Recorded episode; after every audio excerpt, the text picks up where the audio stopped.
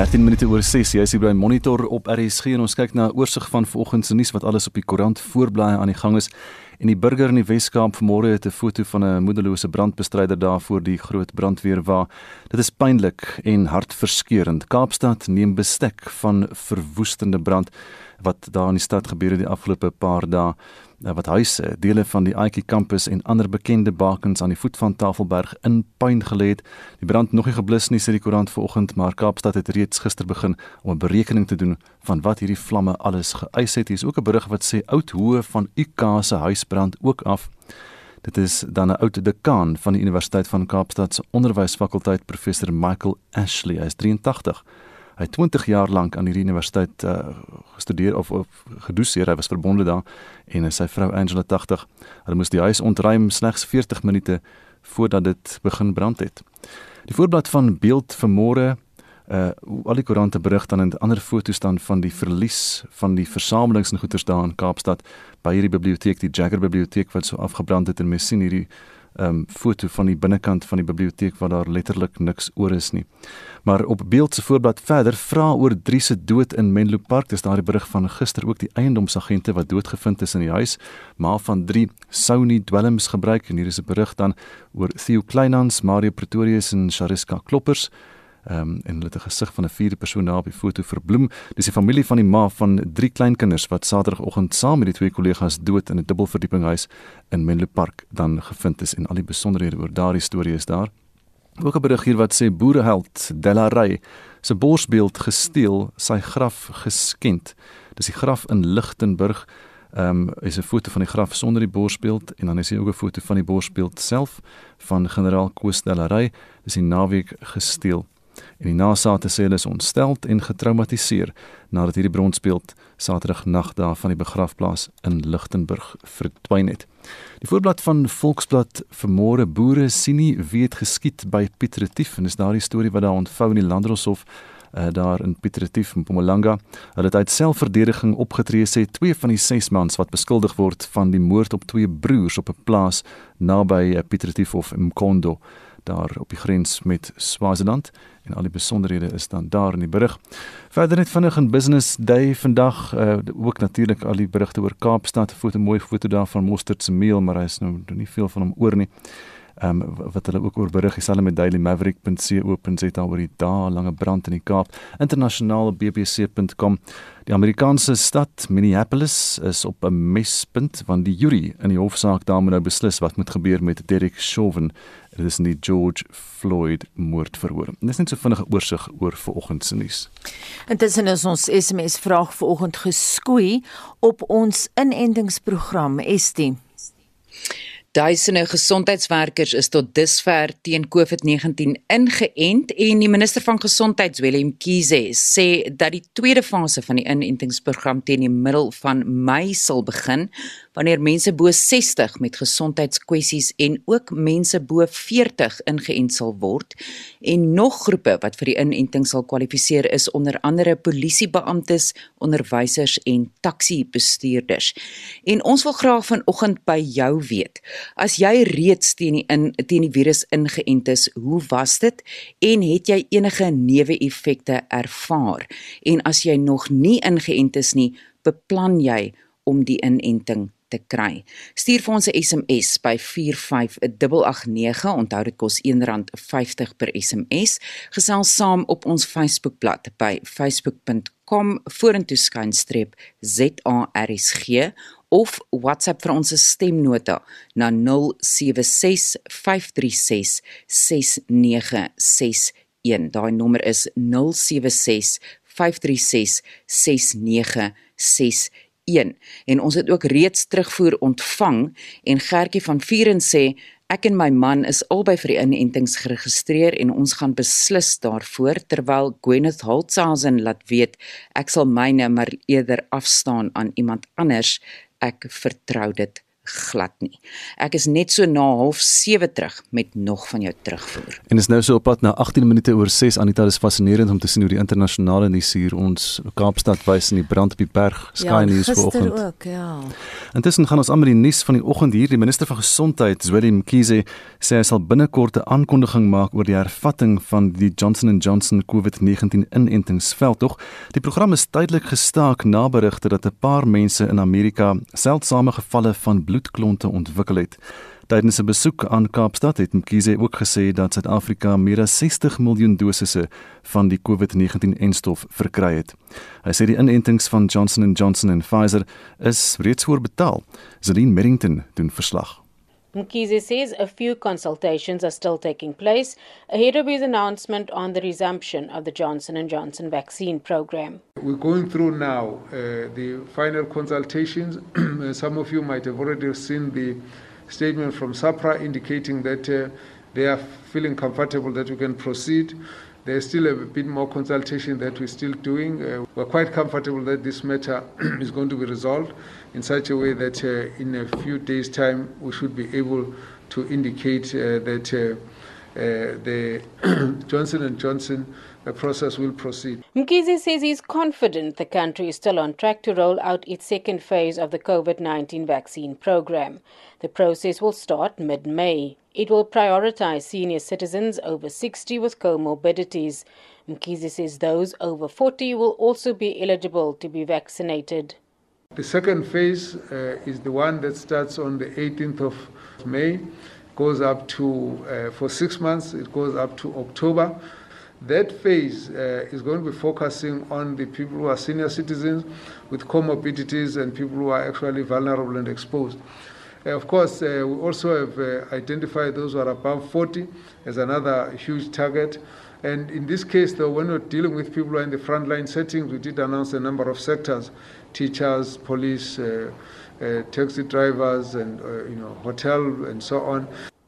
The minister says he's satisfied with the Western Cape's plan to undertake the second phase. This after Western Cape Premier Alan Windy said the province was ready to start. We've uh, worked that out in the process flow, and of course, we are now here to see it uh, in action, uh, what it looks like, and our ability to be able to vaccinate uh, 30,000, but maybe even take it up to 40,000 uh, citizens per day. And, uh, you know, that's what we need to get to uh, we've only had the the Sisonki up until now, but uh, from uh, the middle towards the end of the month, we're going to then have to then roll out and pick up our numbers every single day on the two variants or the two various vaccines that we'll have to administer. Ons vra om verskoning, ons het so effens 'n kinkel in die kabel gehad. Daar was Celine se Engelse verslag, maar ons gaan nou voort met monitor hier so 21 minute oor 6. Die tonge is los oor die DA se burgemeesterstryd in Kaapstad met die tydelike skorsing van een van die kandidaate. En ons gaan later vanmôre gaan ons probeer gesels met Jan Jan Joubert. Daar intussen gaan ons voort na die volgende storie toe. Die Franse ambassadeur Aurélien Le Chevalier gaan later vandag namens president Emmanuel Macron op Stellenbosch die baie gesogte toekenning van ridder van die orde van kuns en letterkunde aan die Suid-Afrikaanse misdaadfiksie-outeur en draaiboekskrywer Dion Meyer toeken. In kort, Meyer word tot 'n ridder van Frankryk geslaan. Hy sê hy voel besonder geëerd om die titel te kry, so berig Estie de Klerk. In Suid-Afrika het Dion Meyer geen bekendstelling nodig nie. Ook nie die karakters in sy misdaadverhale wat hy milderyk uit sy pen laat vloei nie. Die skrywer van 15 boeke en 3 kortverhaalbundels wat in 27 tale vertaal is en in 40 lande gelees kan word, is vir Suid-Afrika 'n nasionale skat. Twee van sy boeke, Phoenix wat hy in 1996 geskryf het en Spoor wat hy in 2010 geskryf het, is onderskeidelik in Engels as Dead Before Dying en Trackers as internasionale TV-reekse verwerk en vervilm. In Afrikaans het hy reeds verskeie televisiereekse en films geskryf, vervaardig en die regie beheer. In Suid-Afrika en internasionaal is hy al male sonder tal vir die vrug uit sy pen bekroon. Meyer sê die jongste toekenning van Frankryk is vir hom besonder. Ek dink dit is een van die grootste eerbewyse wat ek nog ooit ontvang het. Dit is vir my massief.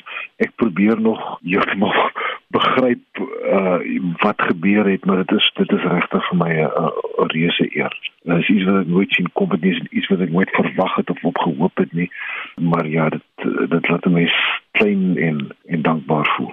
Die Orde van Kuns en Letterkunde word reeds sedert 1957 in Frankryk toegeken ter erkenning van belangrike bydraes tot die verryking van die kuns en letterkunde in Frankryk en in die buiteland. Daar is 3 grade waaronder die toekenning gegee word, naamlik ridder, offisier en bevelvoerder.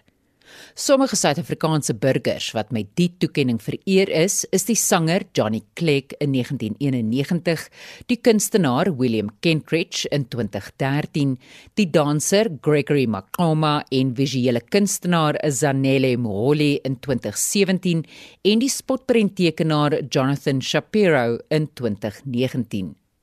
Meyer word vereer ter erkenning aan sy literêre werk en spesiale verhouding met Frankryk. Hy sê sy verhouding met Frankryk is spesiaal en dit is ook waar hy en sy vrou en regterhand Marianne dikwels hulle winters in die stad Bordeaux deurbring. Frankryk word ook dikwels in sy boeke weerspieël. 'n Deel van sy tweede laaste misdaadverhaal Prooi wat in 2018 die lig gesien het, speel af in Frankryk waar die Suid-Afrikaanse karakter Tubela Mpayipele onder die Franse naam Daniel Daret woon. Een van daai snaakse dinge ek ek was al danksy die boeke al oral in die wêreld gewees en met sekere plekke het 'n mens net 'n groot affiniteit. Ek ek weet nie hoekom nie, ek kan dit nie beskryf nie. Maar met Frankryk het ek nog van die eerste keer dat ek Frankryk toe is, om die waarheid te sê, ek het op skool staan het 6 en 7 die geleentheid gehad om 2 jaar van Frans te leer en toe al so half op die taal verlief geraak en altyd gehoop dat ek eendag daar sou uitkom maar ek was in my laat 30's voor ek vir die eerste keer daar gekom het en dit was net toe 'n 'n liefdesverhouding wat dadelik geblom het en ons gaan gereeld terug ons probeer so gereeld as moontlik daar kom Meyer sê wanneer hy 'n nuwe boek aanpak is sy uitgangspunt altyd dat konflik die moeder van spanning is ek probeer boeke skryf wat mense sal laat aanhou met lees, aanhou met die bladsy omblaai om te uh, uit te vind wat volgende gaan gebeur.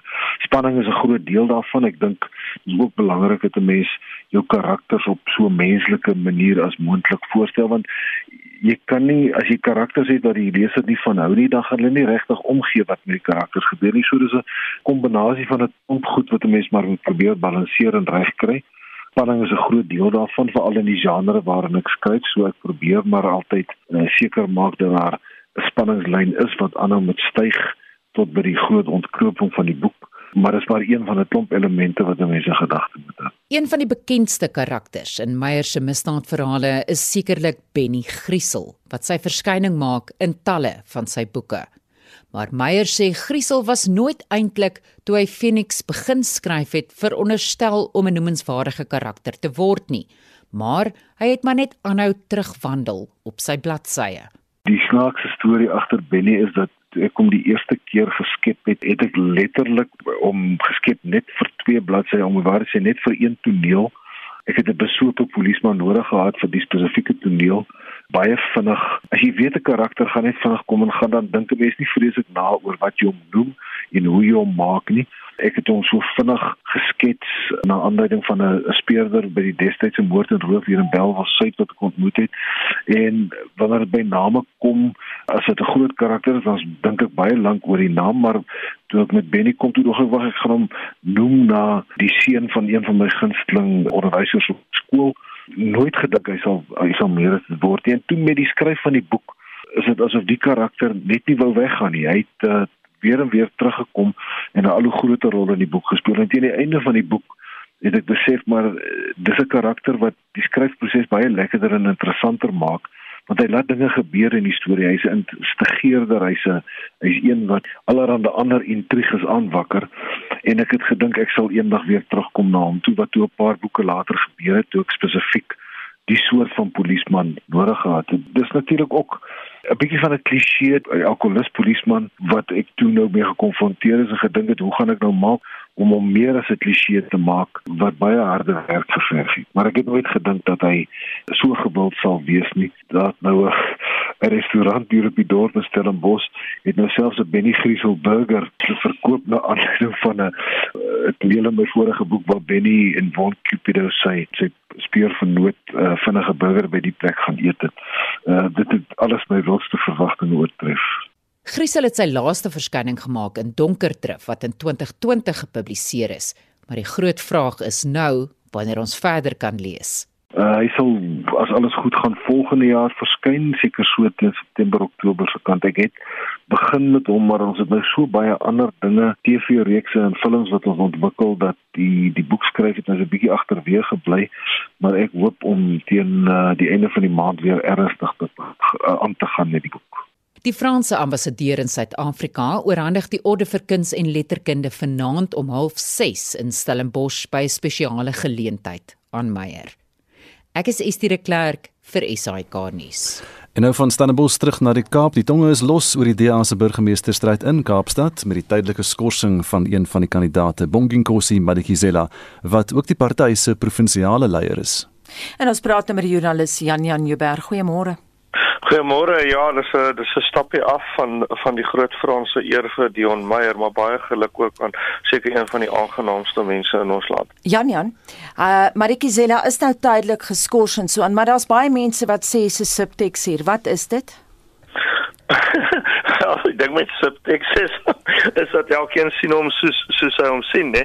Maar um wat hier gesê word is kyk maar die Kizela is nou nie om dowe neete geskort nie. Hy is geskort omdat hy gejok het oor um dat hy beweer het hy het 'n BCom graad in sy curriculum vitae en um die het hom nou gaan byt. Uh hy het nou jare lank die curriculum vitae en die vraag wat mense vra is uh een van twee dinge.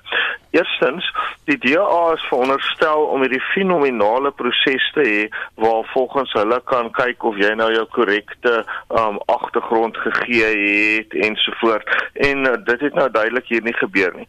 Dit dit is vraag, dis die eerste opsie. Die tweede opsie is dit het gebeur maar die leierskap van die party het geweet daarvan en stil gebly daaroor want maar die Kizela was vir hulle nuttig.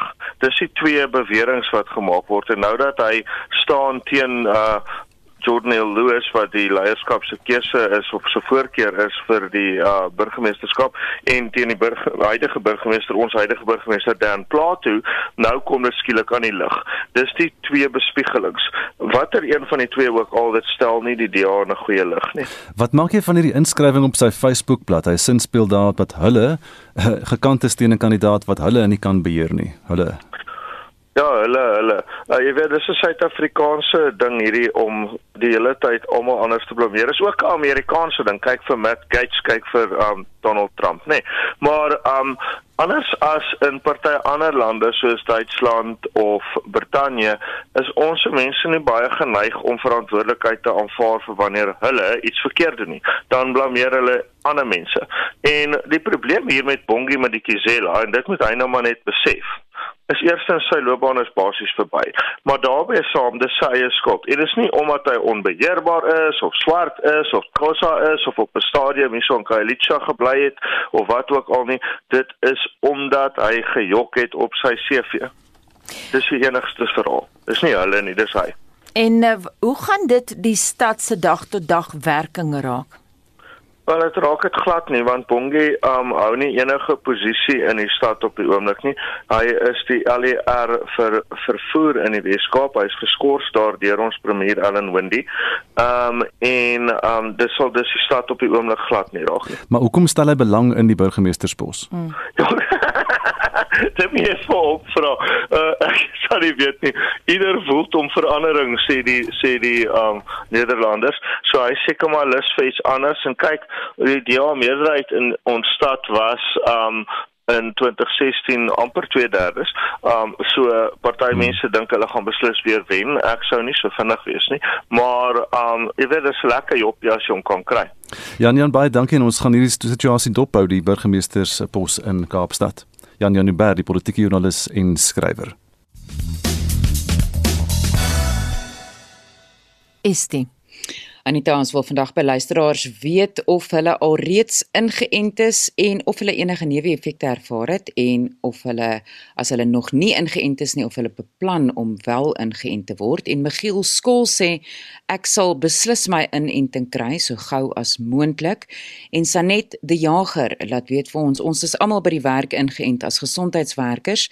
Ons simptome het gewissel van geen tot moegheid tot geringe koors. En die meeste van ons pasiënte kan nie wag om ingeënt te word nie en hulle val almal in die hoë risiko kategorie van kroniese siektes. Marlene Baird skryf: Geen gesondheidswerkers by ons hospitaal wat ingeënt is van Februarie tot einde Maart het COVID daarna opgedoen nie. Ons het daagliks naweke ingesluit tussen 8uur soggens en 8uur saans gesondheidswerkers in Pretoria ingeënt. Jaco Rigter sê vir ons ek sal nie gaan nie. Ek het dit gehad. Ek neem aan hy sê hy het COVID gehad. Ek het al erger bosluiskoors gehad. Johanna Rautenbach skryf ek het my Johnson & Johnson inspuiting gehad. Ek het so bietjie hoofpyn en 'n lam dag gehad daarna en toe niks verder nie. En Sakitirion laat weet vir ons ek weier om te gaan en ek val in 'n hoë risikogroep, maar hierdie enstof kan onmoontlik effektief wees na so kort uitrol tydperk. Michelle Gosen sê ek het my Johnson & Johnson inenting gehad met geen neeweffekte nie. Laat weet vir ons of jy dalk al gegaan het vir jou inenting of jy enige neeweffekte gehad het en as jy nog nie gegaan het nie of jy beplan om dit wel te kry. Stuur vir ons 'n SMS by 45889 teen R1.50 per SMS. Gesels saam op ons Facebookblad by facebook.com vorentoeskynstreep ZARSG of WhatsApp vir ons stemnota na 076 536 6961. So 23 voor 7 en uh, Shaun uh, Jooste fokus vanoggend in sy sportbydra op die jongste ranglyste en puntelere. Na voltooiing van die T20 reeks tussen Suid-Afrika en Pakistan is Engeland, Indië en Australië eerste, tweede en derde op die ICC T20 ranglys met Pakistan vierde en die Proteas sesde. In die EPL reeks is die Royal Challengers Bangalore die enigste onoorwonde span en het die voortou op 6 punte geneem. Die Chennai Super Kings het in die tweede plek ingeskuif en het 4 punte saam met die Delhi Capitals en Mumbai Indians wat derde en vierde is. Rugby. In die Nieu-Seelandse Aotearoa reeks het die Crusaders 23 punte agter hulle naam na 7 rondes. Die Chiefs het 16 en die Blues 15 punte na 6 wedstryde. In die Australiese Super Rugby reeks staan die Reds op 32 punte na 7 rondes. Die Brumbies is tweede op 29 na 8 en die Force derde op 14 punte ook na 7 wedstryde. Die vierde ronde van die Vastie beker reeks vind donderdag plaas. Die CUT Axias, Tikkies en UCT Aikies het 14 punte elk na 3 rondes met die Maties vierde op 10 punte. Motorsport. Die Brit Lewis Hamilton bou die eerste plek op die Formule 1 punteleer en het nou 44 punte agter sy naam. Max Verstappen van Nederland is tweede op 43 punte en Lando Norris ook van Groot-Brittanje derde op 27 punte. Mercedes het 60 punte op die vervaardigerspunteleer. Red Bull is tweede op 53 en McLaren derde op 41 punte. Die Fransman Fabio Quartararo is die nuwe voorloper op die MotoGP punteleer en staan op 61 punte. Die Italianer Francesco Bagnaia is tweede op 46 en die Spanjaard Maverick Viñales derde op 41 punte. Suid-Afrikaanse Brad Binder spring met 4 plekke na 8ste op 21 punte en sy broer Darren is derde in die Moto3 afdeling op 36 punte. Sokker. Mamelodi Sundowns bly die voorlopers in die DStv Premier Liga op 46 punte met AmaZulu tweede op 40 en Golden Arrows en Orlando Pirates derde en vierde op 38 punte. Die top 4 spanne in Engeland is Manchester City op 74, Manchester United op 66, Leicester City op 56 en West Ham United op 55 punte. Atletico Madrid is die voorlopers in Spanje op 70 punte. Real Madrid het 67 en Barcelona 65 punte. Die top 3 in Italië is Inter Milan op 75, AC Milan op 66 en Atalanta op 64 punte. Bayern München bly die voorlopers in Duitsland en het 68 punte. RB Leipzig is tweede op 61 en Wolfsburg derde op 54 punte. En die top 3 in Frankryk is kort op mekaar sake. Lille is eerste op 70, PSG tweede op 69 en Monaco derde op 68 punte. Tennis. Verlede week se top 3 manspelers, Novak Djokovic van Servië, Daniel Medvedev van Rusland en die Spanjaard Rafael Nadal bly onveranderd. Suid-Afrika se Lloyd Harris val met twee plekke na 53ste en Kevin Anderson bly 107de. Ryan Klassen is nou 20ste op die dubbelspel ranglys. Die top 3 vroue spelers, Ashley Barty van Australië, Naomi Osaka van Japan en Simona Halep van Roemenië bly ook onveranderd. En laastens in die golfwêreld is daar ook geen verandering onder die top 3 manspelers nie. Hulle is die Amerikaners Dustin Johnson en Justin Thomas en die Spanjaard Gon Ram. Suid-Afrika se Louis Oosthuizen val met twee plekke na 33ste, Christian Besaidou met een plek na 39ste en Erik van Rooyen met drie plekke na 67ste. Shaun Schuster SAK Sport.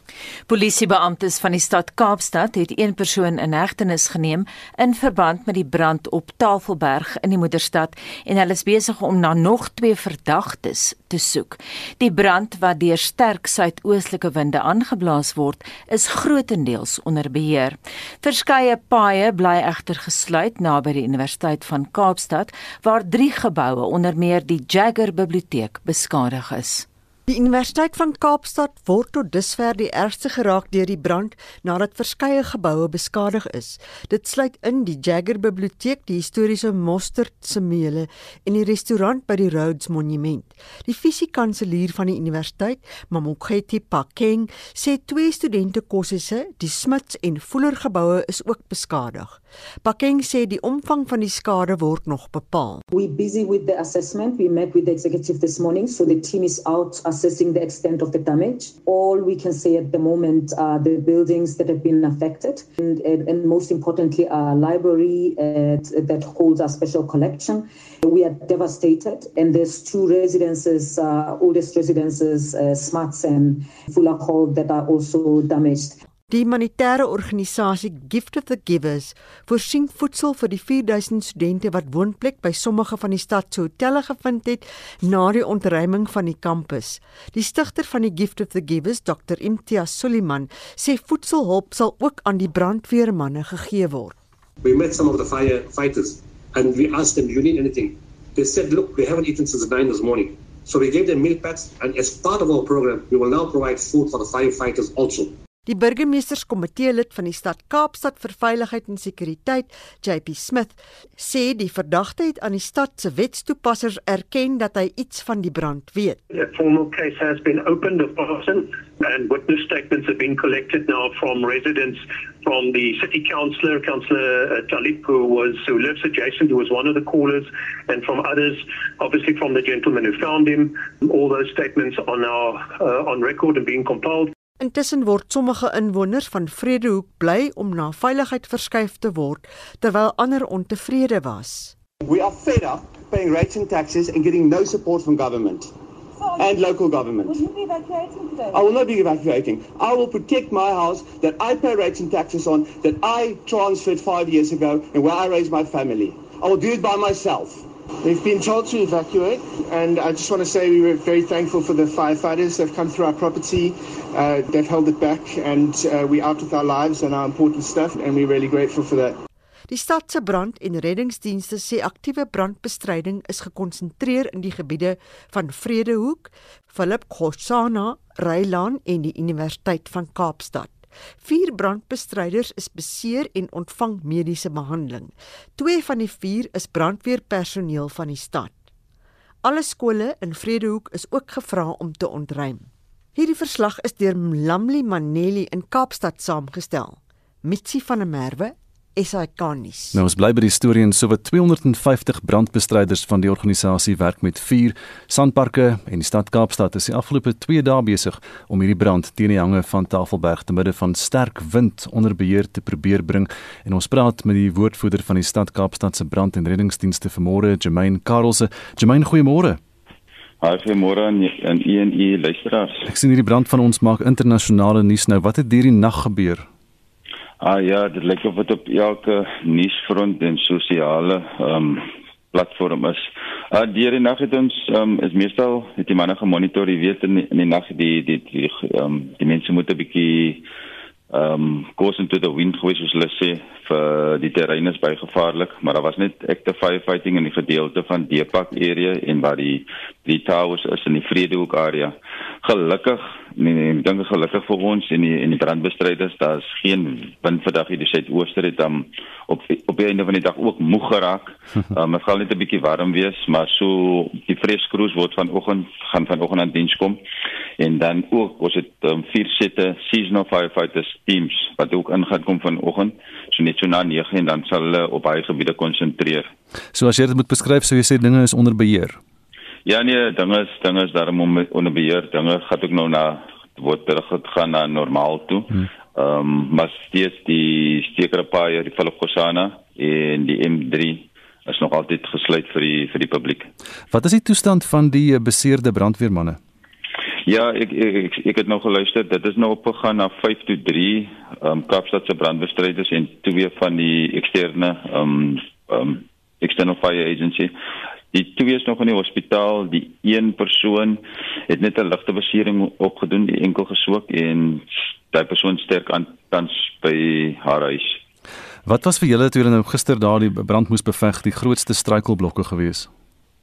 Ek dink die grootste struikelblokke was maar die wind. Onthou die suidooster het regtig waar uitgekom in al sy glorie.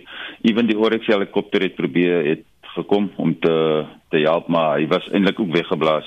So dit was die die die, die grootste faktor en en ook tesame met daai die die hitte wat die manne moet gegaan het.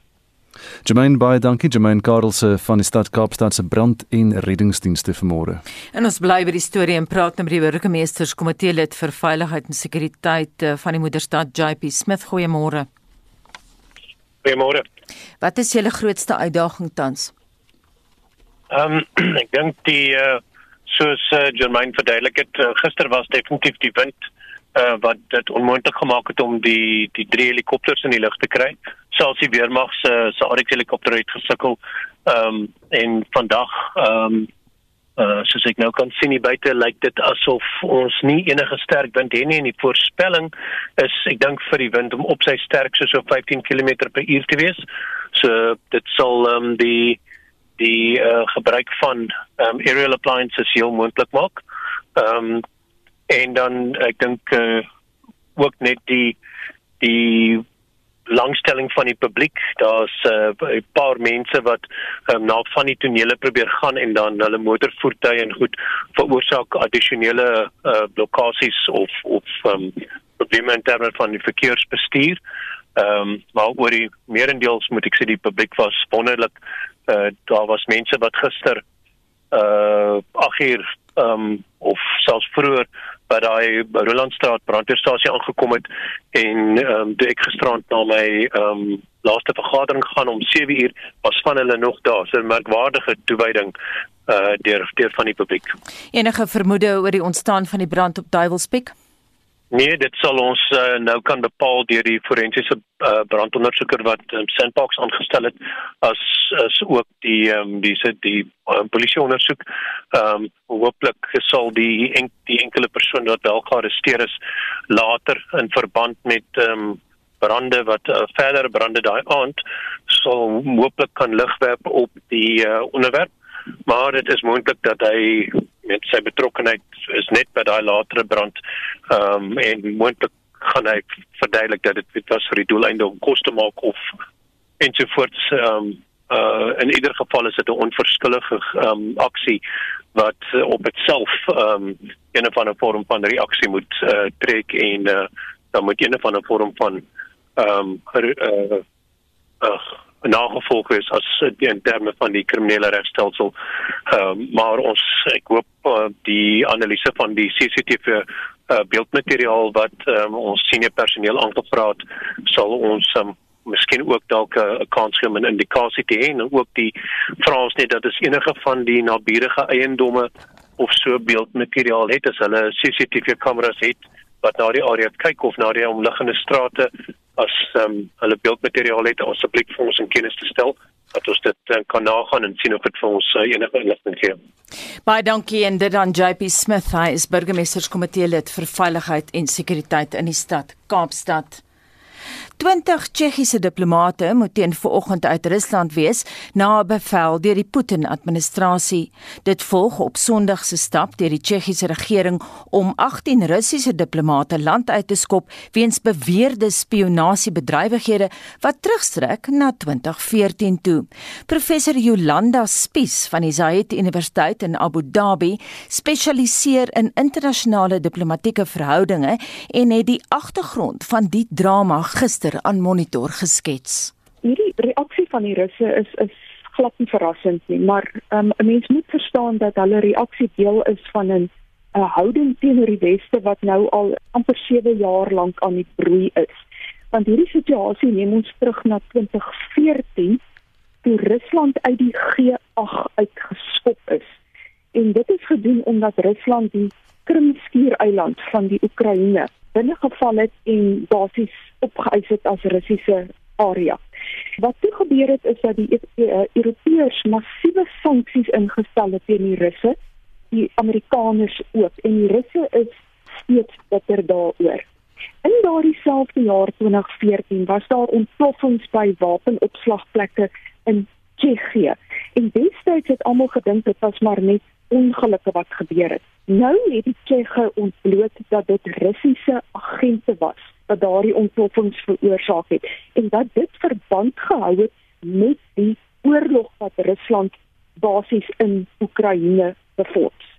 En op hierdie oomblik is daar Russiese magte besig om in hulle groot getalle op die Oekraïne se grens te versamel as 'n waarskuwing dat hulle dalk verdere gebied in die Oekraïne wil beset. So daar's groot onrus in Oos-Europa oor die Russiese bedreiging en natuurlik die Russe is in aanvalsmode. Dit is nie dat die Russe nou eers reageer nie. Kyk, die Tsjeche het nou eers agtergekom dat daardie ontploffings van 2014 nie ongelukke was nie. Hulle het nou eers agter die kap van die byl gekom en ontbloot dat dit Russiese agente was wat daarvoor verantwoordelik was. Maar ons wat uit 'n westerse wêreld oogpunt kyk na Rusland, was die laaste 5 jaar obsessief besig om te kyk na die politieke chaos wat hom in Amerika afgespeel het. En deel van daardie politieke chaos was dat daar 'n breuk was in die verhouding tussen die Amerikaners en die Europese bondgenote, met ander woorde die die lede van NAVO. En in daardie chaos dink ek het mense vergeet presies hoe betrokke Rusland is by die stabilisasieprojekte in die weste. En die Amerikaners het nou onder die nuwe regering van president Biden het hulle baie sterk sanksies ingestel teen die Russe. Onder andere vir die Russiese inmenging nie net in verkiesings nie, maar die sabotasie van aanlyn Amerikaanse regeringsplatforms. Die Russe is met ander woorde woedend daaroor dat die Europeërs en die Amerikaners nou weer 'n verenigde front het waar hulle die Russe basies verantwoordelik hou vir wat hulle doen. Dit is nie gedoen terwyl Donald Trump aan die wind was nie. Dink jy ons is nou terug in die koue oorlog? Ek dink ons is absoluut terug in 'n nuwe koue oorlog en dit is 'n baie meer komplekse koue oorlog dan die Weste het terselfdertyd 'n koue oorlog nou met China wat magtiger is as wat hy al ooit is in ons lewensgeskiedenis. So nou is daar 'n koue oorlog op twee fronte. Aan die een kant met Rusland wat nog steeds bitter is oor hoe die Weste hom behandel het na die einde van die koue oorlog en die inploffing van die Sowjetunie en natuurlik China wat nou sy spiere bult en vir die wêreld wys hy's 'n hy's die supermag wat hy nog altyd gedink het hy is. 'n Amerikaanse intelligensieverslag het 2 weke gelede gesê dat die wêreld vandag onstuimiger is as ooit tevore, onveiliger as ooit tevore. Stem jy saam? Baie moeilik om daai woorde ooit te voorspreek want elke tydstip van die wêreld het spesifieke dinamiek en spesifieke konteks. Wat ek wel sal sê is dat ons nou baie onveiliger is as wat ons oor die laaste 2 dekades gedink het ons is. Almal het aanvaar dat aan die einde van die koue oorlog het die wêreld 'n nuwe bedeling ingegaan met meer sekuriteit. Wel Die waarheid is ons het nie meer sekuriteit nie. Hoe gaan hierdie hele saak om nou uitspeel die weste versus China en die weste versus Rusland? Dink jy die Russe en die Chinese gaan hande vat? Die Russe en die Chinese was nog altyd baie suspesieus oor mekaar gewees, maar hulle is pynlik strategies wanneer dit kom by hulle buitelandse beleid. Hulle werk saam met mekaar net wanneer dit hulle pas. Hulle kompartmentaliseer hulle buitelandse verhoudinge. Wat egter nou in die gunstel van Rusland is dat die Europese Unie homself glad nie goed gekwyt het van sy taak rondom die pandemie nie. Daar is nou dele van Europa wat uitreik na Rusland om die Russiese enstof Sputnik in die hande te kry. Net om 'n voorbeeld te gee, Servië, daai piep klein landjie wat in Suid-Europa sit en wat uitstekende verhoudinge het met Rusland, maar 'n stiefkind is van die Europeërs, is nou besig om meer inentings te doen as op enige ander plek in Europa. Europese lande staan nou tou om by Servië te gaan inentings kry en waarmee en Servië in met die Russiese Sputnik en stop. Dit wys vir jou Russiese invloed wat besig is om te sprei in Europa. En so sê professor Jolanda Spies van die Zayed Universiteit in Abu Dhabi en sy het gister met Monitor gepraat en van Europa na Suid-Afrika. Baie belangrik, die volgende berig kan sensitiewe luisteraars en kinders ontstel. Sit dus jou radio af as jy in daardie groep val. 'n Jong ma van Mamelodi, oos van Pretoria, is vir die tweede keer na die Weskoppie Psigiatriese Hospitaal in Pretoria verwys nadat sy glo haar 20 maand oue baba vermoor het. Renilwe Matlake was 18 jaar oud toe sy glo haar seentjie Penjo in November 2019 versmoor en sy lijk in 'n asblik weggesteek het. Sy word in die Hooggeregshof in Pretoria van moord en dwarsboming van die gereg aangekla. Lila Magnus het meer. Renilwe Matlake is reeds een keer vir observasie na die Weskoppie Psigiatriese Hospitaal gestuur waar twee psigiaters haar evalueer het. Hulle het 'n verslag opgestel wat nog nie by die hof ingedien is nie. Sy gaan nou weer evalueer word deur 'n paneel kenners wat moet bestaan uit 'n derde psigiater en 'n sielkundige. Die paneel is ook versoek om te fokus op die gebeure voor die beweerde moord. Die staat en regter het saamgestem dat dit in Matlake se belang sal wees dat sy ten volle evalueer word voordat sy op die aanklagte teen haar pleit. Luidens die akte van beskuldiging het Matlake en haar seun by haar ma in Mamelodi gewoon toe Penjo vermoor is. Matlake het Penjo op 12 November 2019 glo na 'n nabygeleë kliniek geneem vir 'n algemene ondersoek, maar het nie na die huis teruggekeer nie. Volgens die staat het sy onder onbekende omstandighede vir Penny na 'n onbewoonde plakkershut in uitbreiding 4 in Mamelodi geneem waar sy hom glo versmoor het. Die akte lui dat sy seker gemaak het hy is dood. Sy het toe na bewering die lykie in 'n asblik versteek. Toe haar ma begin bekommerd raak omdat hulle nie huis toe kom nie, het sy met Klaakie gebel Matlake het glo nie haar foon geantwoord nie. Sy het egter na bewering aan haar ma se vriend en haar oom gesê Penjo is gesond. Penjo se lykie is 6 dae na hy verdwyn het in die asblik gekry. Matlake het glo daarop aangedring haar seun is gesond en lewendig selfs nadat sy vertel is dat sy lykie gevind is. Sy het daarna glo haar familie begin vermy en eers 2 weke later is sy in hegtenis geneem.